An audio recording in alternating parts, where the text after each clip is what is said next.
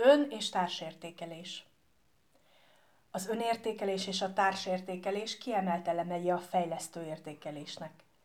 Leginkább a tanulóknak a tanulási folyamatban való aktív részvételéhez kapcsolható. Lényegében az önálló tanulási képesség kifejlesztését és megerősítését, vagyis a segítő értékelés által kiemelt fő cél megvalósítását segítik elő.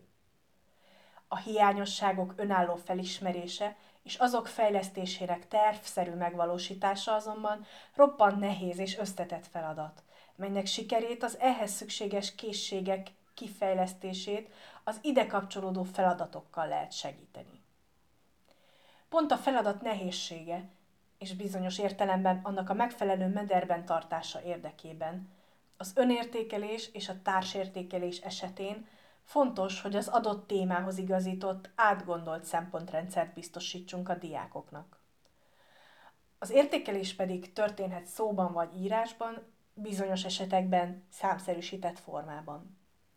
A feltett kérdések így igen sokfélék lehetnek. A cél az, hogy a kérdéssor irányítsa a diákok gondolkodását. Most a lehetséges kérdéstípusokra mutatunk néhány példát, ön- és társértékelő lap elkészítéséhez.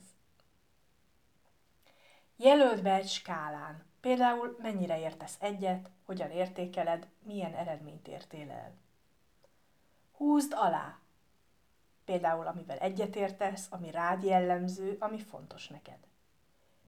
Fejezd be a mondatot.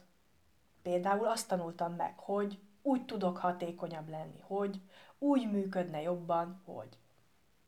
Sorolt fel. Például a három legfontosabb ma megtanult dolgot, három hibát, három eredményt. Válaszolj a feltett kérdésre. Eldöntendő kérdések vagy kifejtős kérdések. Például, hogy érezted magad, mit tanultál, miben kell fejlődnöd. Tegyél javaslatot. Például miben kell a csapattársnak fejlődnie, miben változtatnál a programon, hogyan oldanád meg.